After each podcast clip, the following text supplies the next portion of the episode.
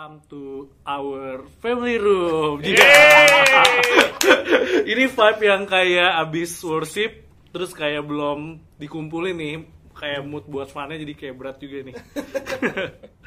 Oke, teman-teman Abayut, eh, kalau misalnya dari kemarin kita udah banyak bahas gitu ya di family roomnya kita tentang koram deo, terus habis itu kita juga banyak bahas tentang keintiman yang reaktif, aktif sampai otomatis. Nah kali ini kita mau nanya sesuatu nih. Nextnya apa nih Kak Kevin ya? Kita mau dibawa ke mana nih? Kan keluarga Abayut kita pengen belajar something lagi kan gitu. Ya, oke. Oke, garing. Jadi Ya, teman-teman, ya kemarin kita udah bahas tentang Koram Deo ya dari uh, beberapa bulan ya, mungkin ya, hampir selama pandemi kita bahas ten- tentang Koram Deo. Nah, sebetulnya uh, ke mana sih arah kita gitu ya? Nah, jadi penatua kita terus mengarahkan kita ya tentang fokus kita yaitu tentang ibadah yang sejati gitu ya. Nah, kenapa sih gitu? Ya kan selama ini kita udah nggak ada ibadah ya offline gitu ya. Tapi kita lagi diajar sama Tuhan untuk mengenal arti ibadah yang sesungguhnya. Itulah ibadah yang sejati. Nah, ibadah yang sejati kalau kita lihat di dalam Roma 12 ayat 1 sampai 8, sebetulnya ada tiga hal yang akan kita praktekkan dan kita alami bersama-sama. Nah, yang pertama adalah tentang bagaimana kita mempersembahkan tubuh di Roma 12 pasal yang eh, ayat yang pertama gitu ya. Bagaimana kita belajar mempersembahkan tubuh kita sebagai persembahan yang hidup, kudus, berkenan kepada Allah. Bagaimana kita senantiasa hidup di hadapan wajah Tuhan. Ya inilah koram deo yang dari kemarin kita bahas gitu ya. Nah, setelah koram deo gitu ya, setelah kita belajar beberapa bulan terakhir, kita ulang-ulang terus tentang eh, wah, tentang ya silakan. Siok, siok. Setelah kita ulang-ulang terus tentang uh, belajar koram deo tinggal di hadirat Tuhan senantiasa gitu ya. Nah, yang kedua kita mau belajar tentang uh, pembaharuan pikiran. Ya di Roma 12 ayat yang kedua. Karena itu berubahlah oleh pembaharuan budimu sehingga kamu membeda dapat membedakan mana kehendak Allah, apa yang baik berkenan kepada Allah dan yang sempurna. Nah, hari ini kita juga akan uh, pelajari kita akan uh, ngobrol sama-sama tentang pembaharuan hati dan pikiran gitu ya. Yes. Nah, dan yang ketiga yang terakhir adalah bagaimana kita dalam ibadah yang sejati kita praktek bersama-sama dengan teman-teman kita dalam komunitas, baik itu komsel kita, kompak kita. Nah, tiga hal ini teman-teman adalah eh, serangkaian bagaimana kita praktekin ibadah yang sejati. Ya, jadi mari kita semangat terus ya, terutama teman-teman kita yang ada di Abayut. Ya, kemarin kita udah belajar tentang Koram Deo beberapa bulan terakhir. Ya, hari ini kita akan masuk ya kita belajar praktek pembaharuan hati dan pikiran. Jadi naik kelas ya, kelas kedua sekarang. Ya, kita tambahkan lagi gitu ya. Dan nanti yang ketiga kita belajar bagaimana kita praktekkan ini semua bersama-sama dalam komunitas. Nah, semangat teman-teman semua. Semangat. Semangat ya.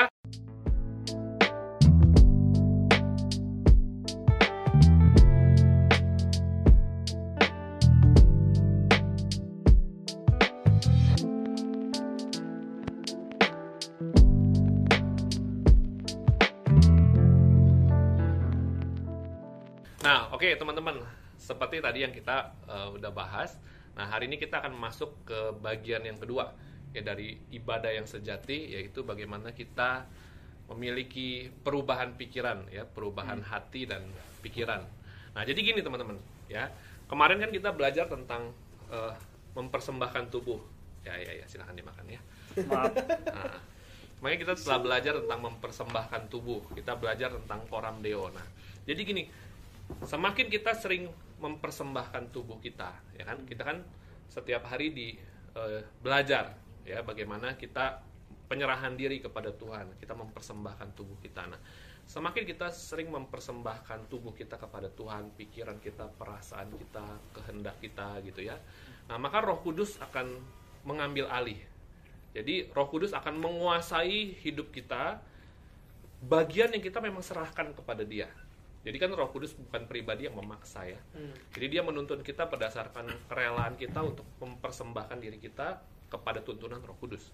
Gitu. Nah, ketika kita mempersembahkan tubuh kita, Roh Kudus akan mengambil alih, mengambil alih seluruh hidup kita, pikiran kita, perasaan kita, kehendak kita. Karena apa? Karena kita adalah bait Roh Kudus. Nah, mari kita lihat ayatnya dulu di eh, 1 Korintus 6 ayat 19 sampai 20. Ya, 1 Korintus 6 ayat 19 sampai 20 ayatnya berkata begini. Atau tidak tahukah kamu bahwa tubuhmu adalah bait Roh Kudus yang diam di dalam kamu. Roh Kudus yang kamu peroleh dari Allah dan bahwa kamu bukan milik kamu sendiri sebab kamu telah dibeli dan harganya telah lunas dibayar. Karena itu muliakanlah Allah dengan tubuhmu. Jadi waktu kita mempersembahkan tubuh kita sebetulnya tubuh kita ini milik Allah. Kita udah di- telah dibeli lunas harganya. Nah, tapi Roh Kudus itu pribadi yang lembut. Dia mau kita menyerahkan terus-menerus. Hmm. Nah, sehingga dia akan menguasai seluruh hati kita, seluruh kehidupan kita. Nah, hati kita itu seperti eh, rumah ya, teman-teman. Nah, mari kita lihat ayatnya di Efesus 3 ayat 16 sampai 17. Efesus 3 ayat 16 sampai 17. Firman Tuhan berkata begini, Aku berdoa supaya ia menurut kekayaan kemuliaannya menguatkan dan meneguhkan kamu oleh rohnya di dalam batinmu, di dalam hatimu. Sehingga oleh imanmu Kristus diam di dalam hatimu dan kamu berakar serta berdasar di dalam kasih. Nah, teman-teman kalau lihat eh, versi terjemahan bahasa Inggris ya, dia bilang gini, supaya Kristus itu berdiam secara permanen di dalam rumah hatimu, di dalam rumah. Jadi eh, Paulus berdoa supaya Roh Kudus itu terus ya menguatkan, meneguhkan kita di dalam Roh supaya apa? Supaya Kristus itu terus tinggal di dalam rumah hati kita. Nah, teman-teman, ketika Kristus tinggal di dalam rumah hati kita, maka ia akan membawa kita kepada perubahan hidup. Ya, perubahan hidup itu dimulai dari mana sih? Dimulai dari hati. Ya. Nah, di dalam rumah hati kita ini ada banyak ya banyak ruangan. Ya, ada banyak ruangan. ya, Kristus itu adalah Tuhan dan juga penguasa. Ya, penguasa tunggal atas seluruh kehidupan kita, seluruh ruang dalam hati kita. Makanya setiap hari kita perlu persembahkan ruang-ruang ini. Gitu ya. Nah, ada ruang apa aja? Ya kalau dalam rumah ya kan ada ruang tamu misalnya, ya ada ruang keluarga kayak gini gitu ya. Nah, ruang tamu atau ruang keluarga itu bicara apa sih? Ya bicara bagaimana hubungan kita dengan orang lain, ya, terutama dengan keluarga kita, dengan saudara kita, dengan Saudara. saudara kita, Saudara. Saudara-saudara. dengan kakak kita atau dengan adik kita gitu ya, dengan papa mama kita. Nah, kalau Kristus berdiam di situ, kalau Roh Kudus menguasai ruang hati kita, maka apa? Pasti hubungan kita dengan saudara kita, dengan kakak adik, dengan orang tua kita pasti beda. Hmm. Ya kan ada banyak orang Kristen ya atau siapa pun lah gitu. Di rumah cekcok, berantem. Ya di luar pelayanan hebat, di dalam rumah waduh gitu kan hubungannya berantakan. Nah, kalau setiap hari kita menyerahkan ruangan ini kepada Roh Kudus, dia akan benahin semua, dia akan mengubah ini semua. Ada ruang apa lagi? Ruang Ada ruang baca, ah, ruang perpustakaan. Di rumah gue nggak ada ruang perpustakaan sih. Oh, nggak ada ya? Gue nggak tahu Iya. soal rumah lu ya. Rumah gue nggak ada perpustakaan. Kalau Kayaknya rumah ruang hati kita lebih besar daripada Iya. rumah Hajo. ya. Mohon maaf nggak ya. apa-apa, nggak apa-apa, ya kan? Yang penting gue udah nikah. Oh gitu ya. Wow. Oke oke oke. Nanti ya Wow. kita bahas ruangan yang itu ya. Wow aja. Balik, balik. Sama aja. Iya iya iya. Oke. Ruang yang kedua ya. Nah ada ruang ruang tidur misalnya ya kan. Nah ruang tidur ini Kamar tidur ya. Kamar tidur ya kan Hmm. bicara tentang apa? Tentang eh, hubungan yang lebih intim gitu ya. Mana bisa tidur sendiri kan? Oh tidur sendiri. Sama Sendiri. bully. Berdua gua. Nah itu bicara gini, apakah di dalam hati kita ada perzinahan nggak? Ya, Hmm. mungkin perzinahan secara rohani gitu ya. Nah kalau Kristus, Roh Kudus ya menguasai ruangan itu, ya hati kita ya akan terus gitu ya diubahkan, melekat intim hanya kepada Tuhan. Nanti kita share lebih dalam ya. Ya. Terus ada ruang apa lagi? Ada ruang makan. Hmm. Ya di ya di rumah kita kan ada ruang makan, ruang dapur. Ya bicara apa? Bicara tentang apa sih yang jadi desire hati kita, menu kesukaan kita apa? Hmm. Ya. ya kan? Nah, kalau ada banyak orang apa menu kesukaannya apa? Misalnya Indomie ya kan? Yang nggak Betul, ya, betul, betul. Yang nggak sehat nggak sehat ya, Ya. gitu Iya, kan? iya. KFC. Enak tapi nggak sehat. Gitu. KFC, AW, sama McD. Ya, Sama gitu. what bites-nya. Ya oke, what bites. Itu Wow. disensor aja tadi urusan. apa yang jadi menu kita ya? Apa yang jadi desire kerinduan hati kita yang paling dalam itu apa sih? Ya kan? Ada banyak orang kerinduannya apa? Bukan melakukan apa yang Yesus lakukan. Hmm. gitu nah teman-teman jadi tiga ruang itu dulu ya masih ada tadi ruang perpustakaan, ruang baca, Gudang, gudang, ada toilet, toilet, ya. Nanti kita bahas itu things. di uh, family room kita berikutnya. Nah, tapi hari ini kita akan lebih dalam membahas tiga, Tiga ruangan ruangan yang itu tadi, ya. Mungkin yang pertama adalah ruang uh, tamu atau atau ruang keluarga. ya living room, family Ya, room kita, gitu ya. Nah, mungkin Nah kalau Ongki, bicara soal eh, ruang keluarga ya tadi yang udah disinggung sama lu ya Kev ya. Jadi kan kalau ruang keluarga maupun ruang tamu ini kan bicara soal area relasi hubungan kita dengan orang lain gitu Ya. ya. Kalau ruang tamu itu berarti hubungan kita sama orang-orang yang di luar temen lah, sahabat lah, Teman kompak. teman kompak Hmm, ya iya. kan kakak pembina Hmm. tapi juga mungkin ya dosen guru Iya. ya kan Ya, bos kerja, apa. ya kan Ya. tim dan sebagainya gitu ya nah kalau ruang keluarga ya ini lebih spesifik lagi ya lebih circle lebih kecil lagi ya papa mama gitu ya Iya. terus Hmm. eh, saudara kita adik kakak ya Hmm. kalau hari ini kak Joy udah punya anak gitu ya kan nah eh, kalau ini kalau tadi waktu lu singgung soal ruang keluarga khususnya ya Kev ya, gitu Iya. gue tuh keinget gimana ruang keluarga dalam hidup gue Hmm. gitu Hmm. jadi mana tuh? Nah, area ini tuh sering kali jadi area yang gue pertahankan, tidak mau gue serahkan. Yesus sudah di dalam hidup gue. Yesus sudah di dalam rumah hati gue. Ya. Tapi kan Yesus di dalam rumah hati gue kan belum tentu gue serahkan semua ruang-ruang itu pada Yesus kan? Belum tentu Yesus serta merta jadi penguasa tunggal kan? Nah, Hmm. salah satu ruang yang paling sulit gue serahkan sebenarnya ruang keluarga. Kenapa? Karena gue merasa apa berat banget gitu ya. Karena gue merasa kayaknya nggak fair. Tetap harus tetap kayaknya gue pengen ego gue yang ngelit di ruang ini gitu. Ya. Karena gue merasa apa ya?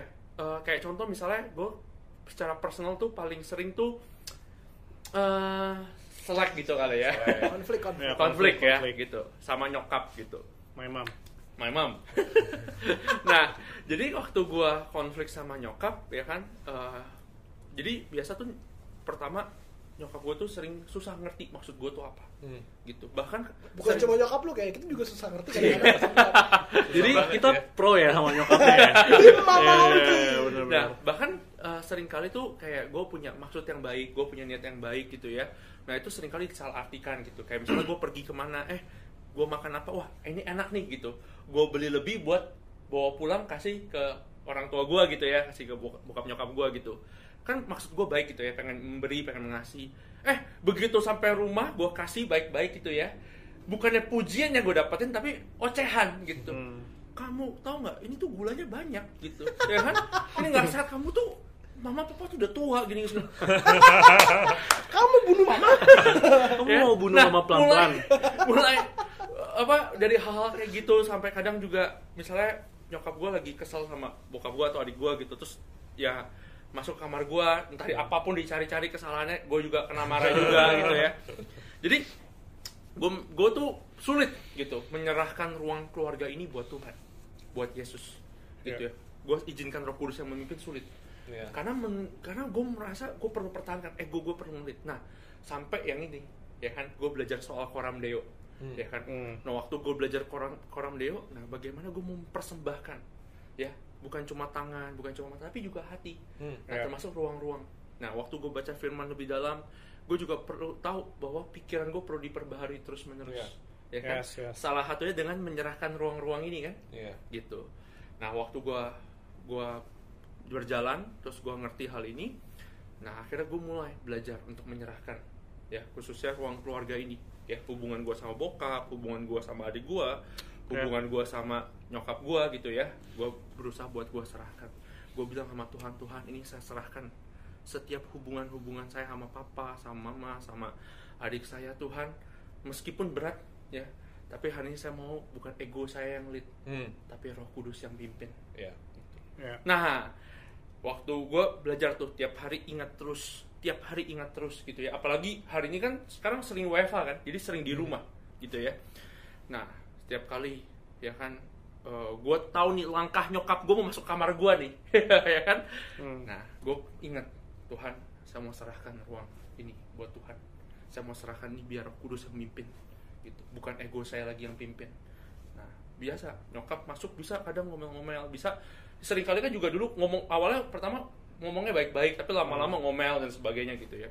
Tapi hari ini ya, nyokap gue mau respon kayak gimana pun, ya gue bisa memilih untuk berespon benar Hmm. Hmm. gue bisa memilih untuk nggak ikutin dari segi intonasi Iya. ya kan nggak jawab nggak balas gitu ya nggak ngejawabin dan sebagainya nggak nyerang Eh, sampai akhirnya nyokap gue sendiri bisa tenang dengan sendirinya waktu Iya. gue serahkan ruang keluarga ini gitu ya memang waktu dalam perjalanan ini nggak sempurna nggak itu gue tetap kadang jatuh kadang bangun gitu ya tapi gue belajar untuk terus melangkah gue belajar untuk terus selalu ingat Tuhan Ya. saya mau serahkan ruang keluarga area ini Tuhan untuk Roh Kudus pimpin bukan ego saya. Iya. Ya. Nah jadi gue belajar akhirnya banyak. Jadi hari ini hubungan gue sama nyokap lebih enak. Hmm. Buat gue tuh uh, ngobrol sama nyokap hari ini bukan sebuah pekerjaan yang melelahkan, tapi sesuatu yang cukup menyenangkan. Mungkin Ya. belum sangat menyenangkan, tapi sudah mulai cukup menyenangkan. Sudah mulai menyenangkan gitu. Nah gue gue juga belajar gitu ya. Ya.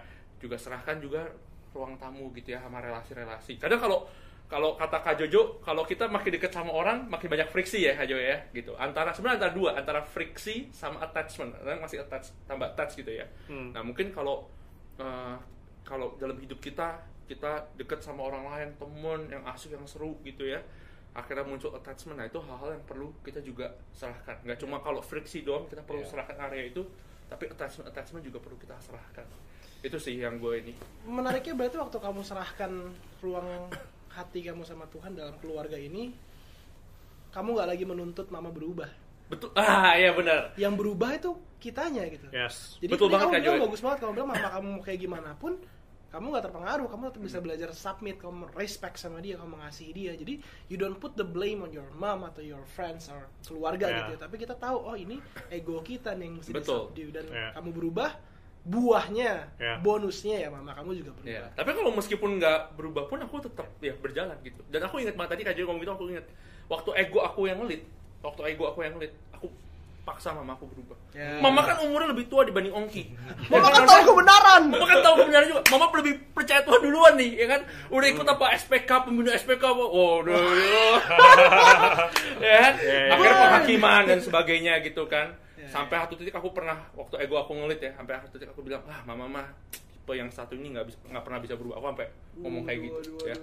Tapi waktu aku belajar izinkan Roh Kudus yang pimpin, ya aku sadar Hmm. masalahnya bukan di Ya. mama, Ya. masalah di hati aku. Ya. Masalahnya di ruang keluarga ini belum aku serahkan. Ya, Yes, that's yes. awesome. Ya. Jadi mama di mana pun mama berada, Tante. har- hari ini uh, kalau Tante. mama nonton uh, video ini, Ini ya, makanya Ongki gua- ingin bilang Ongki sayang sama mama. Makanya dulu Iya. sama Kevin Ongki bangga punya Jadi- mama seperti mama. jadi boleh tante- masuk kamar Ongki kapan aja.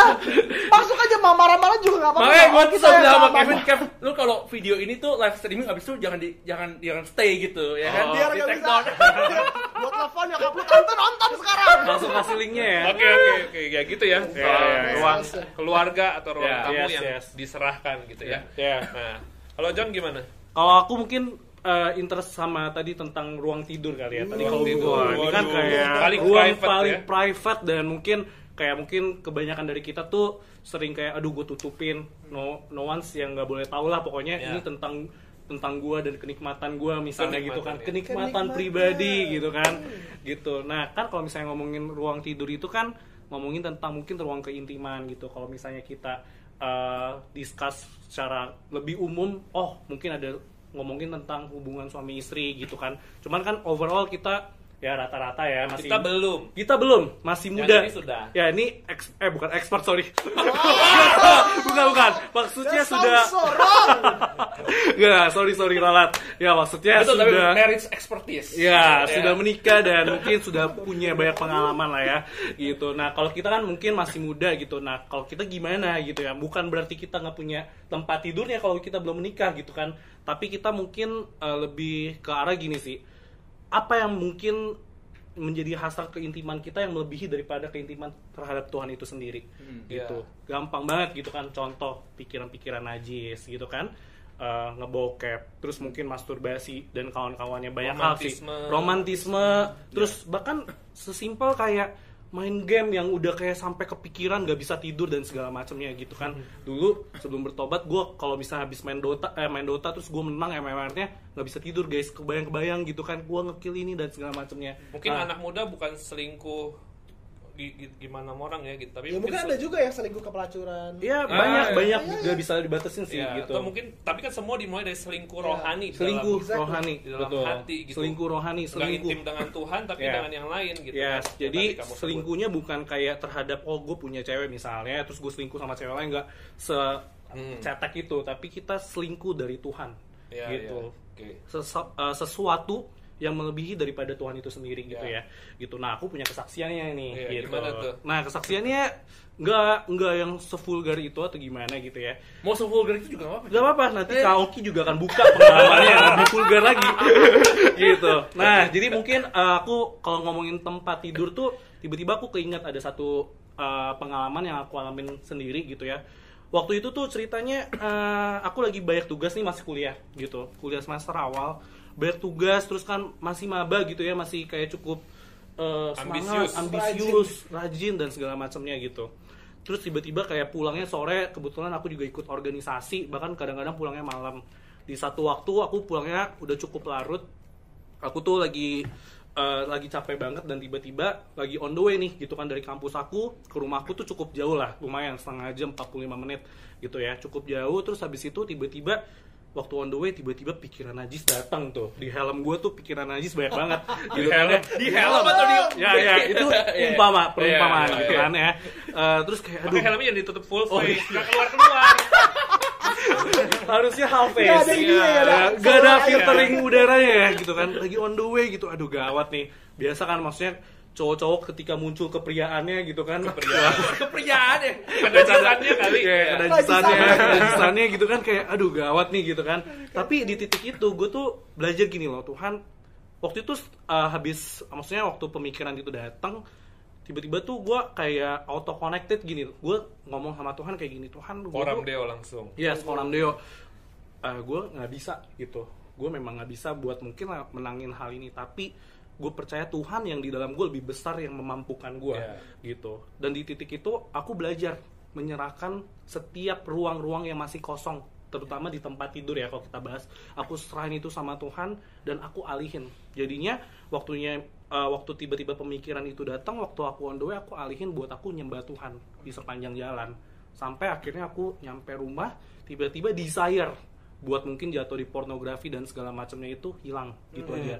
Bahkan waktu karena nyembah Tuhan dan alamin Tuhan di jalan gitu ya, aku tiba-tiba Tuhan tuh bawa aku tuh buat nginget satu anak komsel aku dan aku akhirnya doain dia di rumah gitu dan aku kontak dia dan ya aku sampein hal-hal yang Tuhan sampein dari hatinya aku dan tiba-tiba hasrat itu tuh hilang gitu aja gitu. Aku merasa gini sih, kalau kita tuh aware untuk selalu menyerahkan setiap ruang-ruang di dalam kehidupannya kita ke Tuhan, Tuhan yang akan mampuin kita. Yes. Iya, Pada dasarnya kita emang gak akan pernah mampu. makanya gitu. ayatnya kan bilang eh, Roh Kudus yang akan mematikan perbuatan daging kita. Betul, jadi ya. memang kuncinya tuh apa ya bukan kita wah lawan dosa gitu kita Yes. apa pikirannya ini aduh mesti kudus kudus kudus kudus gitu kan Ya. tapi, Tapi kita hiduplah oleh roh. Iya, maka tapi kamu akan kita mematikan perbuatan. hidup oleh roh makanya roh kudus yang akan matikan perbuatan daging bukan Ya. dengan usaha kita sendiri Ya, Gitu gitu. ya. Ya. itu sih dari aku ya. Aku ya ngerasa kayak bener sih, bukan tentang kuat dan gagahnya kita, tapi semuanya itu tentang about all uh, about His grace sih Ya, dalam hidupnya ya. kita. Kasih karunia Kasih karunia Tuhan yang mampuin kita. Gitu. ya oke tadi eh, ruang tidur Ya. gitu ya kemudian yang pertama si Oki share Ruang tamu, ruang keluarga gitu ya. ya mungkin Kak Joy kali ini Eh, bagaimana share tentang apa sih jadi eh, desire hati kita gitu Padahal ya. gue tuh pengen ngomong ruang tidur biar lebih seru. Oh, gitu Lebih ya? Vulgar ya. Tadi aku udah tawarin. Cuma Kak Joy memilih ruang yang lain ya udah gak apa-apa juga. Oke, the, the next room is uh, the next room would be ruang makan ya. Gimana Ruang makan. kita ruang makan tuh berbicara soal appetite kita, desire kita dalam hidup kita, kita menginginkan apa sih gitu dan uh, ngomong soal keinginan gitu. Kita manusia punya banyak keinginan ya. Kata Doraemon aja banyak sekali gitu ya. ya satu ingin ya, iya, ingin maksudnya dan, gitu ya dan jeleknya kita nggak pernah puas gitu loh. Kita dapat apa kita mau yang lain lagi, mau yang lain lagi dan itu nature-nya human yang udah corrupted dan uh, tapi Tuhan tuh mau ambil alih itu. Ya. Jadi uh, ngomong soal ruang makan um, berbicara gini, apakah kita cukup menginginkan Tuhan di atas yang lain? Kayak Mazmur kan bilang kan uh, selain kau tidak Alkitab yang yang tadi kita lain. nyanyiin Ya. kan selain kau tidak tiada yang lain dibilang tidak ada yang ku ingini di bumi selain kau hanya engkau yang ku ingini di bumi eh, di surga dia bilang. jadi em, apakah benar gitu cuma Tuhan yang kita inginin terlalu klise lah Iya. maksudnya kalau ngomong kayak gitu kayak lu cuma ingin Tuhan ki nggak mau pacaran nggak mau punya istri nggak mau punya duit nggak mau bisa nggak mungkin kita kita pingin yang lain gitu tapi ada tahapan di mana itu masih sehat sama yang sudah menjadi penguasa ruang kita Ya. Nah, berbicara soal menyerahkan ruang makan ke dalam Tuhan gitu. The question is apakah kita punya appetite yang lebih tinggi akan hal-hal lain di dunia ini gitu dibandingkan Tuhan. Jelas di dunia ini sudah udah pasti ada appetite, udah pasti ada tawaran-tawaran. Pertanyaannya kita attach ourselves ke situ nggak? Ya. Karena kita nggak bisa hindarin gitu. Matius kan bilangnya perumpamaan tanah kan, dia bilang benih tumbuh ada kekhawatiran dunia, ada itu pasti ada. Gitu. Setiap kita pasti ada. You cannot expect a clean slate life yang kayak wah Tuhan Tuhan selesai gitu. Terus lu terangkat ke surga. kita berjuang gitu ya dan gue suka karena ngomong soal ruang makan. Ruang makan tuh bicara gini, kita makan sesuatu. Teman-teman bayangin nih kalau lagi makan ya, kalau lagi lapar banget, pernah puasa nggak? Dua puasa, Iya. ya kan udah Kevin sering nih, ini Oh. puasa mulu hidupnya. Johnny. kalau kita puasa, gue inget banget hari ketiga dulu puasa eh, pas mau buka tuh dikasih gula Jawa, Madu. Oh, gula Jawa. buat pelan-pelan jadi ini. Iya. Ya Allah gula Jawa itu enak banget, beneran kayak. Benar-benar. Oh my god gula Jawa itu ternyata seenak itu karena gue lagi puasa. Tiga hari nggak makan ya. Hmm. Lu tau nggak bodohnya apa? Pulang dari doa puasa, gue beli gula Jawa serius. Kisah I, I remember rasanya enak begitu di rumah, gue coba makan lagi kok. Eh, it's only gula Jawa gitu ya. Hmm. Tapi karena gue lagi lapar, jadi enak gitu. Ya. Iya kan lu ngelihat apel, lihat brokoli juga enak kayaknya kalau Benar, benar, kalau lagi puasa Setuju. ya kan lagi lapar. Tapi begitu lu kenyang, udah makan all you can eat gitu ya, sampai begah-begah gitu. Pulang ke rumah, udah nggak kuat jalan, lu ngeliat Indomie goreng. Se-appetizing apa pun itu, pakai cornet, pakai mozzarella, pakai telur apa pun, lu nggak akan mau makan lagi gitu. Jadi eh, ngomong soal appetite kita, kita nggak bisa eh, eliminasi semua appetite kita akan apa pun. Ya, Tapi kita bisa fokuskan. Iya. kita mau diisi sama yang mana duluan. Kalau kita diisi sama ke- kerinduan kita sama Tuhan kita nggak akan sisakan room buat yang lain dari dunia ini. Kalau kita tahu yang terpenting itu bukan yang kelihatan bukan yang bukan yang pleasure sementara kita akan isi duluan sama Tuhan. Dan begitu kita concern Tuhan yang terutama itu Tuhan. Gue mau penuh gue gue menginginkan Tuhan di atas segalanya kita nggak akan ada room lagi buat kita Iya. isi sama keinginan-keinginan yang lain. Ya. Atau sebaliknya, kalau kita menemukan wah gue udah penuh banget kak sama kenajisan dunia ini dengan kenikmatan dunia, then you have to stop yourself. Iya. Only then kamu akan tahu, oke ternyata ruang gue kepenuhan nih sama yang lain. Kalau ibarat botol 50 persennya udah penuh sama hal lain, lu kasih ke Tuhan dia Tuhan cuma isi setengahnya karena lu udah isi sama yang lain. You have to pull it out dulu. Lu mesti berdisiplin untuk membuang eh, mendetoksifikasi pik- pikiran-pikiran kita Ya. yang menyerahkan itu yang kita bahas selama ini menyerahkan tubuh menyerahkan diri sama Tuhan sampai kita mengizinkan hanya Tuhan yang memenuhi desire kita keinginan kita Ya. ayat yang mau aku bacain dari ini bagus banget dari 1 Yohanes 2 ya ayat 15 sampai 17 janganlah kamu mengasihi dunia dan apa yang ada di dalamnya. Jikalau orang mengasihi dunia maka kasih akan Bapa tidak ada di dalam orang itu. Sebab semua yang ada di dalam dunia yaitu keinginan daging Hmm. keinginan mata serta keangkuhan hidup bukanlah berasal dari Bapa melainkan dari dunia. Dan dunia ini sedang lenyap dengan keinginannya. Tetapi orang yang melakukan kehendak Allah tetap hidup selama-lamanya. Jadi teman-teman uh, kita bisa pilih Ya. apa yang mau kita makan dalam hidup kita. Mau makan yang sehat mau makan yang nggak sehat Ya. mau mau makan yang penuh sama Tuhan atau sama junk food itu pilihan kita jadi mari kita serahkan ruang makan kita setiap hari kita makan apa dicat- dicatat gitu ya Ya, ya. kita concern sama apa yang kita makan yang kita inginkan dalam hidup kita Ya. Terus yang menarik ya Kak Jo ya, kayak pengalaman temen aku yang kayak dia dia suka banget sama boba, hmm. suka banget sama boba. Terus long the, long the way dia mau hidup sehat, dia udah nggak minum boba lagi segala macam. Dulunya tiap hari hampir tiap hari minum boba. Terus satu udah sekian bulan dia hidup sehat. Satu kali dia coba ada boba baru buka di dekat rumahnya dia. Hmm. Dia coba, wih nggak enak banget. Dia pikir oh mungkin karena boba baru. Dia coba Boba beli boba dia. yang, Yang dulu. biasa dia beli Hmm.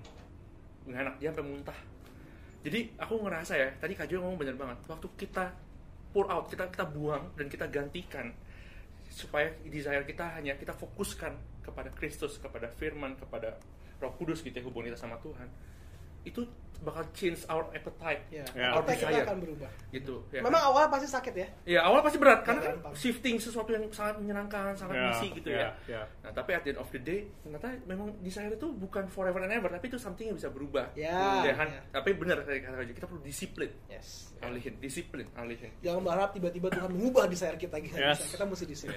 Ya. Ya. Makanya setiap hari kita terus praktek ya, mempersembahkan tubuh kita, Ya. tinggal di hadirat Allah.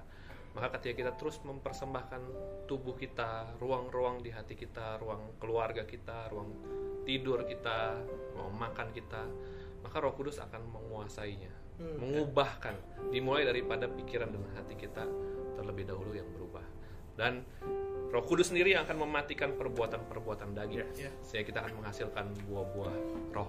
Ya. Nah, teman-teman, apa yang kamu alami hari-hari ini? Ya mungkin setelah ini teman-teman bisa share dengan teman kompak, teman komselnya. Apakah ada ruang-ruang ya yang belum diserahkan kepada Tuhan? yes Ya mungkin itu ruang tamu, ruang keluarga, hubunganmu dengan keluarga, hubunganmu dengan teman-teman yang lain yang mungkin masih konflik, masih belum terselesaikan, mari serahkan kepada Tuhan. Atau ruang tidur, ya tentang ya perselingkuhan rohani, kenajisan, romantisme gitu ya. Apakah ada yang mungkin masih jatuh bangun dalam dosa, ya dosa kenajisan gitu. Tuhan mau pulihkan kita lewat penyerahan diri kita kepada Tuhan. Dan mungkin juga tentang eh, ruang makan kita. Apa sih yang menjadi keinginan, kerinduan hati kita? Ya Tuhan mau ganti untuk kita jadikan Tuhan sebagai segala-galanya yang kita inginkan dalam hidup ini. Dan keinginan Tuhan menjadi keinginan kita. Ya. Yaitu apa? Melakukan kehendak Hmm. dan misinya. Ya. Sehingga teman-teman mari kita share ya teman boleh share dengan teman-teman yang lain. Mari kita saling meneguhkan dengan kebenaran firman, saling mendoakan ya, sehingga kita akan semakin kuat untuk berjalan bersama dengan uh, Tuhan. Ya dan setelah ini boleh juga buat komitmen ya satu dengan yang lain mau mau saling menolongnya gimana nih ya kamu misalnya apa tadi ruangan apa yang kamu belum serahkan nah kita mau saling tolongnya gimana Ya. ya itulah gunanya kita tinggal dalam kompak Yes. dalam komunitas. Ya teman-teman mari kita eh, berpisah ya. Kita akhiri eh, family room hari ini. Nanti di pertemuan berikutnya kita akan bahas tiga ruangan yang terakhir. Hmm. ya. Mari kita berdoa teman-teman. Kami bersyukur buat pembicaraan kami Tuhan. Kami percaya ketika kami terus mempersembahkan tubuh kami. Ketika kami terus koram deo melekat dengan Engkau maka rohmu akan menguasai seluruh ruang dalam hati kami. Kau terlalu mengasihi kami sehingga kau ingin mengubahkan hidup kami. Semakin lama semakin serupa denganmu. Dimulai daripada engkau mengubahkan hati dan pikiran kami terlebih dahulu. Tuhan biar setelah ini kami terus praktek bersama dengan teman-teman komunitas kami dalam satu tubuh Kristus. Kami mau praktek saling membangun untuk melakukan firman-Mu. Bapak terima kasih buat hari ini kami percaya Engkau telah menaruh kebenaran-Mu di dalam hati setiap kami. Dan rohmu yang kudus yang akan menuntun kami untuk melakukannya. Terima kasih Tuhan. Kami mau terus juga melakukan kehendak-Mu misimu di mana pun kami berada. Di dalam nama Yesus kami telah berdoa